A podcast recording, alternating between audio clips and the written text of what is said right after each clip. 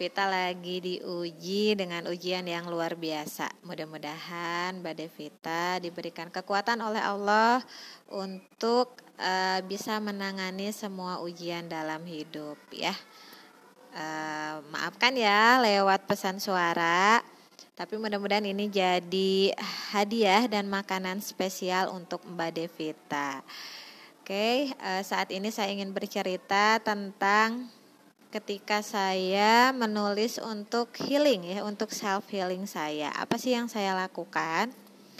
Saya menumpahkan semua perasaan di tulisan saya. Salah satunya adalah lewat puisi.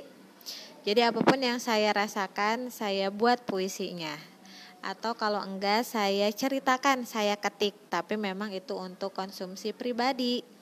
Nah, tapi di tahun berikutnya di beberapa tahun berikutnya ya self healing saya ini alhamdulillah beberapa self healing bisa menjadi buku tapi memang tidak pure cerita saya. Jadi dari semua tulisan saya yang sudah saya keluarkan semuanya saya pilih kata-kata yang bijaksana saya pilih kata-kata uh, yang hikmahnya yang bisa saya bagikan kepada teman-teman dan saya sisipkan di cerita-cerita pendek yang saya buat. Nah, saat itu uh, titik balik hidup saya tahun 2016 karena bercerai dari ayahnya anak-anak karena masalah rumah tangga. Lalu saya mulai self healing dari tahun 2018 eh, dan mulai berkarya dan membukukan self healing self healing saya itu di tahun 2019 seperti itu. Dan jadilah beberapa buku puisi juga beberapa buku uh, kumpulan cerita pendek antologi bersama teman-teman di salah satu komunitas menulis.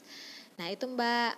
Terus dan salah satunya juga sih ketika saya merasa beban hidup ini berat gitu ya maka saya cari quote, uh, apa quote quote uh, atau kata-kata mutiara yang ada dalam Al-Qur'an ataupun hadis saya cari saya searching kadang saya tuliskan kembali saya edit lagi di Canva gitu saya bikin lagi desainnya lalu saya share itu di IG saya atau misalnya di Facebook saya seperti itu.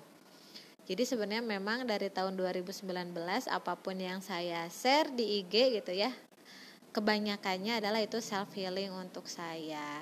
Dan memang hal yang harus dilakukan adalah ketika kita ingin mengobati diri kita sendiri, berhenti mengasihani diri sendiri dan berhenti menyalahkan takdir, menyalahkan keadaan dan menyalahkan orang lain. E, bisa jadi apa pun yang terjadi dalam hidup kita itu karena keteledoran kita, karena dosa-dosa kita, makanya e, banyak-banyak bertaubat sama Allah, banyak-banyak beristighfar sama Allah gitu. E, dan banyak-banyak berzikir sama Allah gitu ya dan memperbaiki diri. Itu sih karena yang saya rasakan uh,